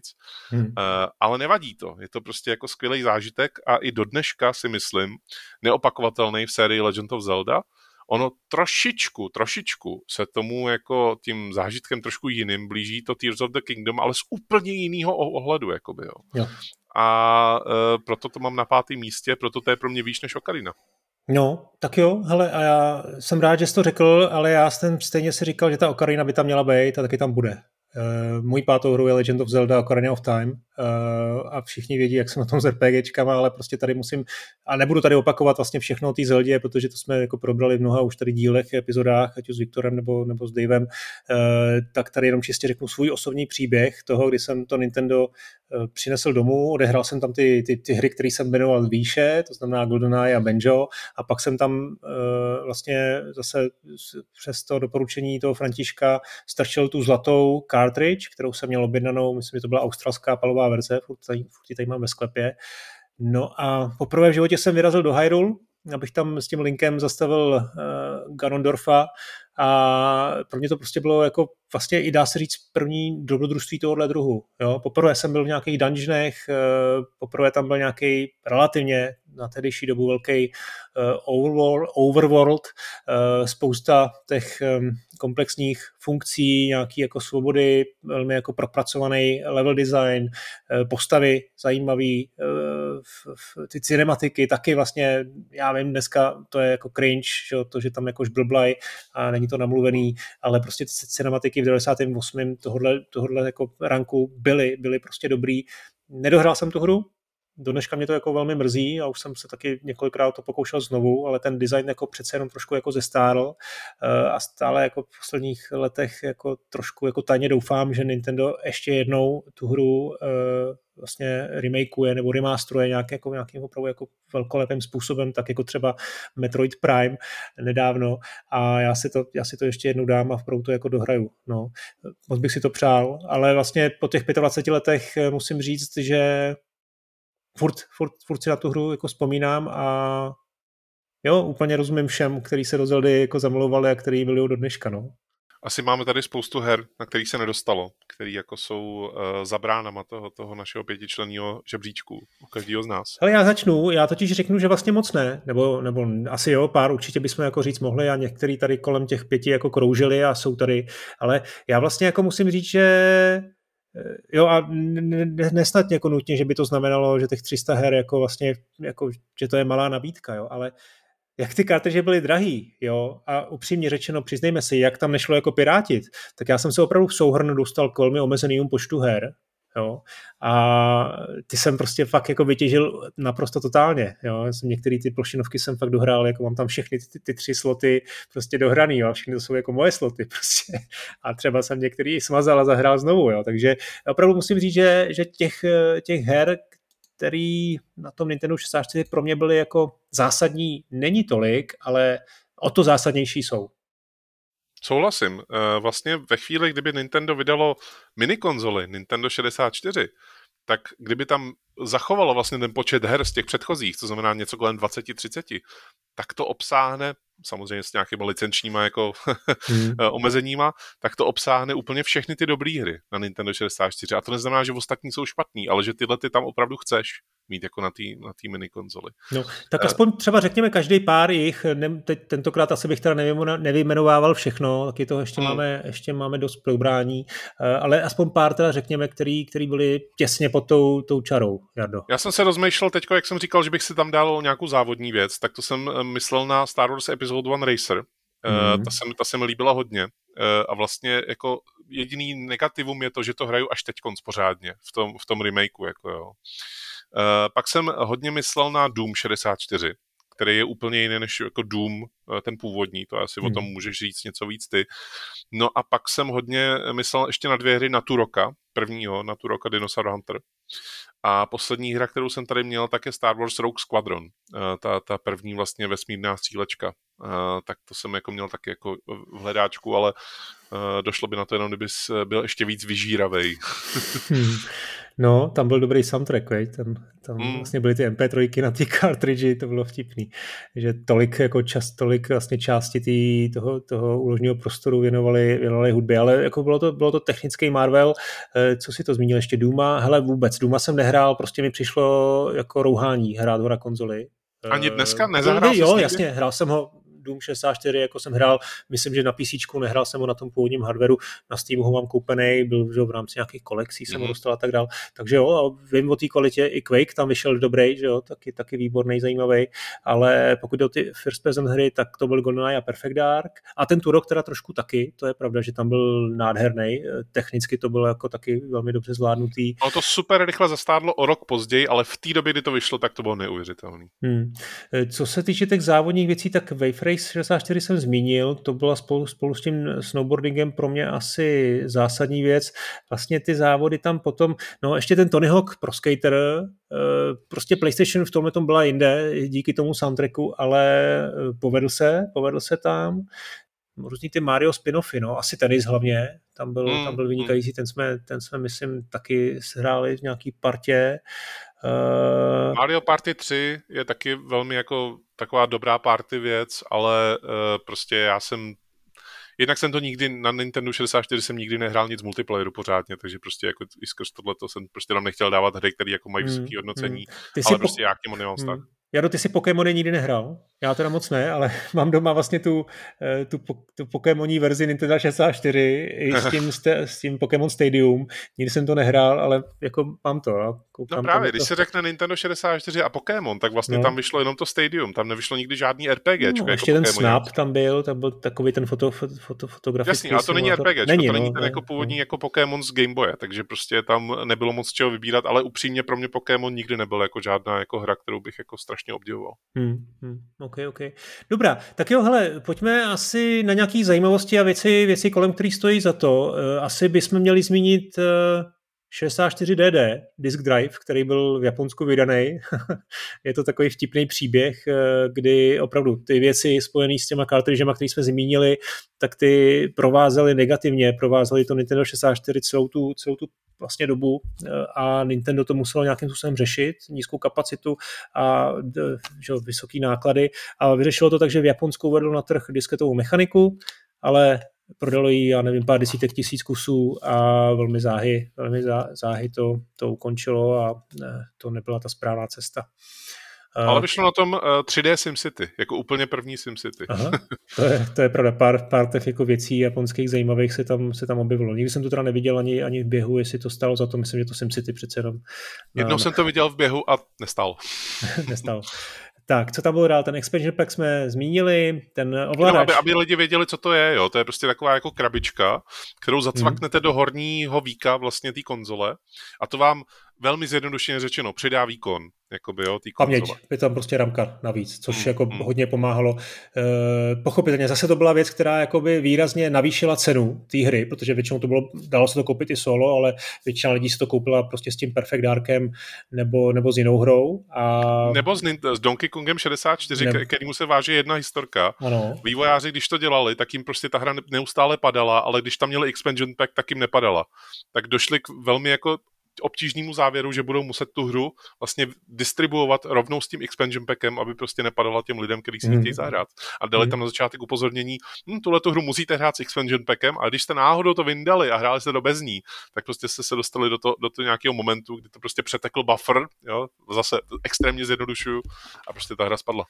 Eh, potom bych řekl ten ovladač ještě k němu přece jenom pár slov, eh, protože to nebylo jenom o tom, o tom gamepadu, té páčce, která teda měla krásně, krásně držela, držela prostě pod palcem a měla tam hezký ty takový ty ty prořezy, jo? to znamená mhm. krásně se jakoby nakláněla na všech těch osm směrů, ale ten ovladač byl úžasný i v tom, on, on připomínal jako hrábě, on to byl takový trojzubec, trojzubec. O, o, o, otočený a vlastně jakoby to bylo vymyšlené tak, že ty ten ovladač můžeš držet třema různýma způsobama. Reálně to byly jako dvě varianty, ale prostě šlo to a vlastně ta ergonomie toho ovladače je do dneška já to řeknu, nepřekonaná. Opravdu. Jo. Ten ovladač byl v tomhle dokonalej. Poprvé měl vlastně, že měl ty přední tlačítka, měl to spodní tlačítko, měl tam vlastně ty čtyři žlutý tlačítka. Eh, je to prostě to, to rozdělení těch, těch tlačítek. Vůbec se nedějím tomu, že to Nintendo tajilo, nechtělo to ukázat a ukázalo to až na poslední chvíli, protože tohle, jestli jako je pár důvodů, proč to Nintendo 64 stojí za zmínku a bylo vlastně dobrý, tak je to prostě rozhodně ten ovladač. No a ještě bych k němu možná poznamenal to, že když jsem četl ten článek od Franty v tom skóre letitým, tak tam byla vlastně fotka ovladače a on říkal právě tohle, že to můžeš držet třema způsobama a já jsem koukal na tu fotku a říkal jsem si, počkej, jak jako to můžeš držet třeba... Vůbec jsem to jako nechápal, samozřejmě až ve chvíli, kdy jsem to jako si poprvé vzal do ruky ten ovladač, tak jsem pochopil, jako jo, ale do té doby jsem vůbec jako nechápal. A vlastně to je asi dobrý říct, že ve chvíli, kdy jako hrajete na emulátoru Nintendo 64, tak vlastně nemáte ten zážitek jakoby, jo, toho, jako toho hraní na Nintendo 64. Hmm. Ty hry jako takový jsou fajn, ale prostě fungují v kombinaci s tím ovladačem a vlastně i s tím hardwarem jako takovým. Tak a důležitá věc tomu ovladači je, že tam byly čtyři vstupy na té konzoli, jo, což je obrovská výhoda proti PlayStation, kde jste museli, nebo to, i tomu Saturnu, kde jste museli mít eh, takzvaný multitap, abyste mohli hrát ve čtyřech. Tak tady prostě byly čtyři vstupy na konzoli, vzali jste čtyři ovladače, čtyřikrát to tam píchli a hráli jste ve čtyřech. To bylo, to bylo úplně, úplně skvělý.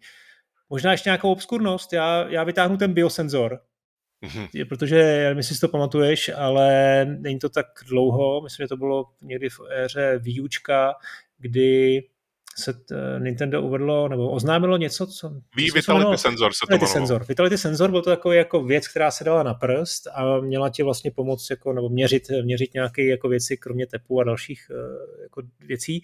No a tohle je něco, co už vlastně Nintendo udělalo na v těch 90. letech na Nintendo 64. Jmenovalo se to biosenzor a byla to věc, která se používala s hraním Tetrisu. Uh-huh. Ty si dal Tetris, měl si u toho na prstu ten biosenzor, který měřil tvůj tep a když, si, když, ti zvýšil, když se ti zvyšoval tep, tak ti ta hra zrychlila. to bylo úplně skvělý. Nebo teda skvělý, jako v uvozovkách skvělý. Ještě jedna věc, kterou uh, vlastně jsem dostal i díky tomu Frantovi, tak je Rumble Pack, který vlastně jo, jo. přidal vibrace uh, k tomu ovladači a uh, díky tomu vlastně to byla taková reakce samozřejmě na DualShock, jakoby, jo, v tomhle hmm. ohledu, ale, ale nebylo to tak dobrý, protože to bylo opravdu jako přídavná periferie, ne, nebylo to vysloveně v tom ovladači, ale uh, u některých her to nebylo, nebylo špatný, no. Třeba zrovna u těch závodních, tam to, jako, tam to vyniklo nejvíc. No to měl vlastně každý, jo, to byla jako povinná, povinná výbava, jo, ten, ten biosenzor to byla taková úchylárna, stejně jako existovala věc eh, VRU, Voice Recognition Unit, tady to mám v nějaký knížce, jsem si to našel, to byl prostě takový mikrofon s, s headsetem, který s nějakýma hrama pracoval a prostě ty hry byly schopné jako detekovat toho, co si zhruba řekl, nebo jako nějaký zvuk a před, já nevím, dělat vlastně ten příkaz té hře podle toho byl vykonán. Tak, Legacy. Legacy neboli odkaz, odkaz Nintendo 64. Já si myslím, že něk, některé věci už tady padly. Rozhodně ten ovladač, ten, ten bez pochyby eh, ovlivnil budoucnost eh, videoher a myslím si, že se tam inspirovala i konkurence. Eh, chtěl bych zmínit znova ty speedruny, to je důležitá věc, z hlediska komunity a toho, jak vlastně funguje herní komunita, jak hráči hrajou a jakým způsobem si hry užívají. To si myslím, Určitě. že je něco, co co Nintendo jako neplánovalo prvoplánovitě, mm. ale vlastně se to, se to samo vyvinulo a dneska už ty hry často vznikají se speedrunnerema, eh, jako v, eh, že se s nima počítá. Rozhodně, že bych přidal ty hry jako takový, protože eh, ty žánry v podstatě jako jima se inspirovali uh, tvůrci, když jako tvořili 3D plošinovku nebo RPGčko, tak v podstatě vycházeli z Mária a ze Zeldy, jako v tomto ohledu, jo. Tam jako nebylo, nebylo vůbec sporu o tom, že to existence no. těch her, tak prostě uh, zapříčinila to, že lidem se takhle rozsvítila jako žárovička nad hlavou a prostě začali přemýšlet nad těma hrama úplně jinak. No a, a i ty hry samotné, nejenom, že ovlivnily jiné hry, ale vlastně ty hry samotné jsou jako do dneška nadčasový a sám jsi to zmínil, že si hrál toho Maria 64 na, na spoustě jiných platform, na DSku, uh, eh, že si hrál Benjo teď na, na, na Xboxu novým, tak vlastně to je příklad jako který bychom mohli jako pokračovat v tom výčtu. Ty staré hry z 64 byly tak často remasterovaný a remakeovaný, do dneška jsou, že si myslím, že je to, že to prostě nemá srovnání jako s, i s tím Saturnem a, a dokonce i s PlayStation. A ještě jedna věc možná, eh, která přispěla k tomu, že Nintendo mělo dlouhý léta eh, image jako eh, platformy, na kterou nevycházejí násilné hry, Jo, tam jako sice v našich žebříčcích jako těch násilných nebo zprostých her jako pár je, ale Nintendo jako vyloženě nechtělo tam uh, dávat jako ty, ty opravdu násilné věci a ono to sice jde proti tomu, že tam vyšel ten Quake, vyšel tam Doom, vyšla tam dokonce Daikatana, jako v takový hodně zmršený podobě, ale uh, jinak tam těch jako opravdu násilných her moc nebylo a já si myslím, že to byla spíš taková jako nálepka, než by to reálně vycházelo jako by z toho, kdyby si udělal opravdu ten propočet, jako kolik her, ve kterých se střílí na Nintendo 64 vyšlo, tak jich najdeš docela dost vlastně, ale uh, jako jinak to mělo v podstatě od Nintendo 64 nálepku, to je ta konzole, nebo to je ta platforma, na kterou vychází dětské hry. Je to tak. Dobrá, hele, ještě máš pro mě nějaký, nějaký kvíz? Mám pro tebe kvíz a mám pro tebe ještě uh, sběratelský okýnko. Ano, to zapomněli, na Nintendo 64. Uh, ty jsi to vlastně nakousl u těch periferií. U těch periferií je v České republice, kdyby se jako vycházel opravdu jenom z lidí, co to prodávají v České republice, tak je nemožný je sehnat, absolutně. Hmm. A když je seženeš, tak jsou drahý jako prase, opravdu. Tady si to lidi jako ceněj a uh, není to takový, že uh, najdou tam ten voice recognition a prodávají ho za 30 korun. Jakoby to, to, to opravdu se nestává a ne, nedělo se to posledních x let, kdy jsem to sledoval. Když ale si chceš koupit prostě jenom konzoli a pár her, tak jako za takovou tu obvyklou částku, kterou tady říkáme 5000 korun, za tři tisíce dostaneš konzoli, jo, a to koupil za dva půl od Franty a teď to můžeš prodat se ziskem. Teď to můžu prodat A to máš ještě k tomu 20 her.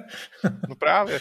Uh, za tři tisíce dostaneš konzoli v úplně top stavu, hmm. i tu Pokémonáckou tvojí, tu speciální edici. Jsem viděl teď, že se zrovna teď prodává jako na, na českém aukru za, za tři tisíce korun.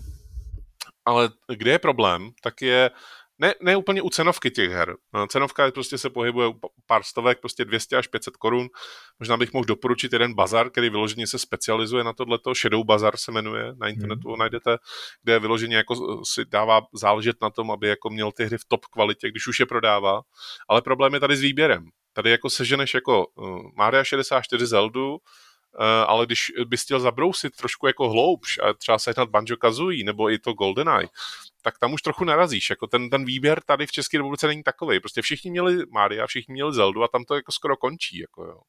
Ne všude samozřejmě, jdou sehnat, jako ne, ne že jako by to byl jako hmm. uh, problém, ale většinou to je dovoz ze, ze zahraničí, anebo to je vyloženě, že je jeden kus a když vám ho někdo sebere, tak už ho nemáte, jakoby, jo? takže jako připravte si, za těch pět tisíc dostanete pár her, nebude to jako, když si koupíte konzoli a budete smutně koukat na televizi, mm-hmm. ale uh, není, není takový výběr v České republice. Samozřejmě, jakmile vyjedete za hranice, tak tam je to mnohem lepší Anglie a Německo. Německo teda super jako zásobený hrama na Nintendo 64, ale tam je jediný problém v tom, že tam byly i lokalizovaný, takže si jako můžete splíst jako s, s tím, že si kupujete anglickou verzi. Ne, kupujete si německou a Super Mario 64. Si hmm. můžete koupit jako v tomto ohledu. Uh, někdy to nevadí, někdy docela jo. Ale uh, poslední věc, kterou jsem ještě k tomu chtěl dodat, je emulátorování uh, her na Nintendo 64. Není to vůbec problém.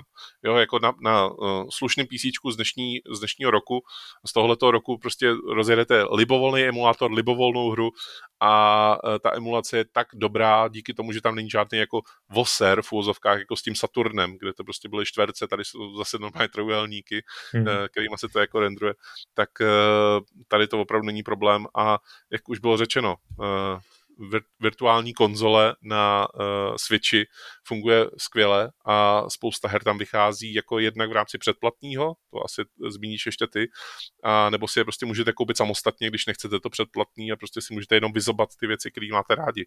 Tam jako hmm. jediný problém je s licencema. Tam jako prostě díky hmm. tomu, co tam prostě neobjevuje, uh, já nevím, FIFA, jo, jako na, na, na, ve verzi pro Nintendo 64, tu až si dneska fakt jako si nezahrajete, ne, že by to byla nějaká škoda, ale třeba ten Tony Hawk, tam to škoda trochu je. Jo, to už si prostě díky těm písničkám, které tam jsou v, legální podobě asi jen tak jako neseženete.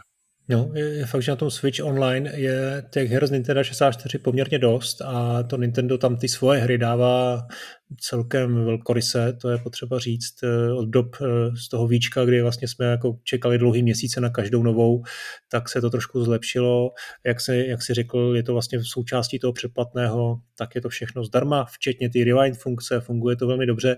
Co eh, nedávno, včera jsem viděl znovu video na YouTube o tom, o, o emulaci na PSPčku, kde ten Mario 64 běžel fakt pěkně. Co mě vždycky trošku jako vlastně vadilo je, že ten ovladač se blbě emuluje. Jo, že to není tak úplně jednoduchý to vlastně naemulovat na, na dnešních moderních systémech, protože prostě ta, eh, ten, ta lokace těch tlačítek a ta páčka, jak funguje, tak je to prostě trošku jako něco jiného, než to co, to, co jsme dneska zvyklí. Ale dá se s tím nějak jako zabojovat, dá se to vždycky, vždycky nějak eh, vyřešit.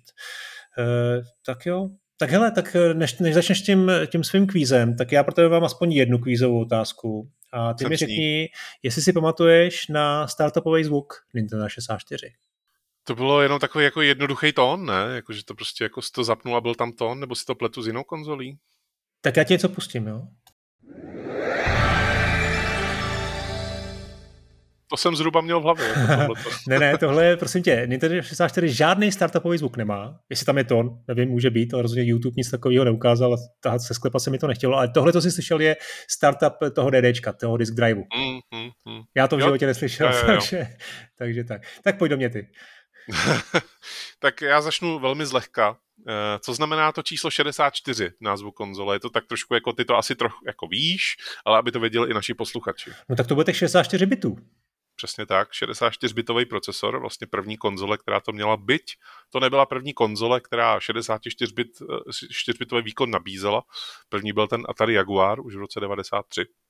No, to eh, někteří, když někteří, tam, no, no, ano, no. tam, tam, tam bylo kombinací asi čtyř procesorů 16 bitových no. dohromady, jako jo, ale, ale nějakou, Musel jsem to říct, no, jasně. Složitou matematikou se tam dostali. Druhá otázka už je záludnější. Analogová páčka byla taková novinka, že když lidi hráli některé hry, minihry v Mario Party, tak se jim na dlaních dělali puchýře. A některý hráči Nintendo zažalovali a dokonce vyhráli. Co muselo Nintendo na základě toho rozhodnutí soudu následně udělat? Museli jim poslat rukavičky. Ne, muselo přidávat do té hry, v krabici směl rukavičku. Okay. Aby, aby si jako vyložit, to museli tak prodávat asi, vlastně. No další hry se prodaly s rukavičkama a ty, co zažalovali, tak je ještě museli dostat, aby, aby náhodou to nemuselo, nemuselo eh, tak, aby to nezranilo nebo nezabilo dokonce. Jo, jo, to je ta, times, to je ta nej... Times. no, good times. Měl jsi taky puchejs? ne, Mario Party jsem naštěstí nehrál, ale úplně jsem jako, bylo mi jasný, že to opravdu šlo, protože se to hrálo, takže si vlastně to držel takhle na té dlani.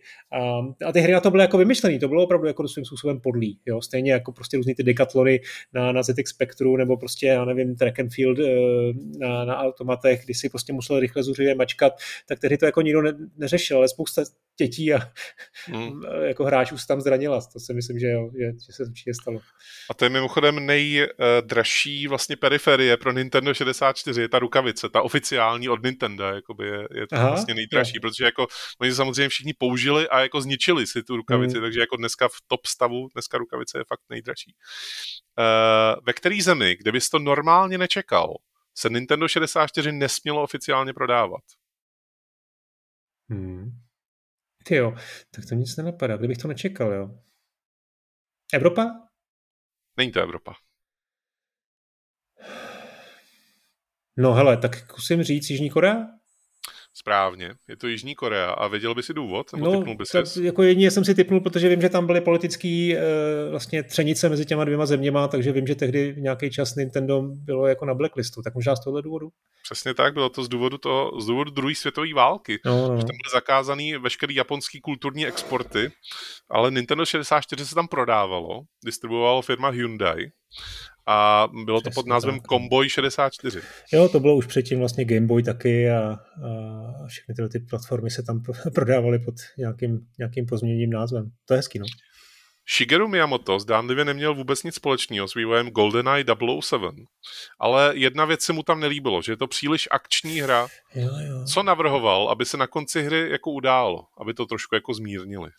Ježiš, tohle jsem zapomněl. A tam něco bylo, že všechny ty postavy si najednou padnou do náruče nebo něco takového úplně absurdního jako v příběhu. Je něco podobného v duchu, ne? Po každý misi by mohl Bond navštívit ty nepřátele v nemocnici jo, a podat jo. si s nima ruku. Jo, jo, to je dobrý. to je krásně, to svědčí o té jeho uh, úžasné fantazii. No. Nevím, jestli by to fungovalo. Poslední otázka, uh, to je taková jako spíš uh, pro zábavu. Jakou hru vyplivne chat GPT na dotaz na nejhorší hru na Nintendo 64? Nejhorší hru, to je dobrý, to je dobrý dotaz, to by se mohli za, zakomponovat tady ty věci do, do, do, do té série. No, Nejhorší hra. Superman? Přesně tak, Superman 64. Hmm, to bylo... Na druhém místě je Quest 64. Eh, ne, ne můj podcast, teda, jako, okay. ale, ale eh, ta hra. Eh, ale Superman 64 skutečně jako, myslím si, že to je i díky tomu, že to sprofanoval Angry Video Game Nerd hmm. v tom svém videu, kde jako říkal opravdu, že to je nejhorší hra všech dob. To jsou, a to asi... jsou už 90. se o tom tak psalo opravdu v médiích, jako vím, že, vím, že to bylo dost jako A já fame. myslím, že to fakt není daleko hmm. od pravdy, jako ta hmm. hra je opravdu extrémně jako debilní a kromě toho, že uh, jako je eh, hrozná z toho hratelnostního eh, hlediska, tak eh, je jako vyloženě hloupá. Tam jako prolítáváš jako nějakýma kroužkama, jakože Superman lítá, tak prolítává kroužkama, to je asi ta motivace. Když tam jsou nepřátelé, tak jsou černé siluety, tam oni nemají texturu jako potaženou na sobě, žádnou jako nepřátelskou. Hmm. A uh, opravdu jako tam si myslím, že se to trefilo, že jako to je skutečně ta nejhorší hra na Nintendo 64. Dobrá, ty jo, je to všechno? To jsem docela obstál, ne, tentokrát? Já myslím, že dobrý, že máš asi tři nebo čtyři body z tohoto kvízu, takže dobrý. Hezky, ty, já si na ty, pro, pro tebe taky musím něco vymyslet. Tak příště u toho Dreamcastu, tam, tam, tam těch uh, různých obskurností a zajímavostí je, je opravdu hodně. Tak jo, tak to snad za týden nebo, nebo zkrátka příště, uh, ať to neslibujeme přesně. Uh, za mě všechno, Jardo, děkuju, že jsi mi zase věnoval svůj čas, bylo to, bylo to bezvadný a mám pro tebe ještě uh, odměnu. Já vím, že máš rád uh, Nirvánu, tak mi řekni, jakou písničku z Alba Nevermind máš nejradši. No já mám rád Komezuár. Komezuár, tak jo, tak si pustíme eh, písničku, která byla vytvořena se zvukovým fontem ze Super Mario 64. A je to Komezuár.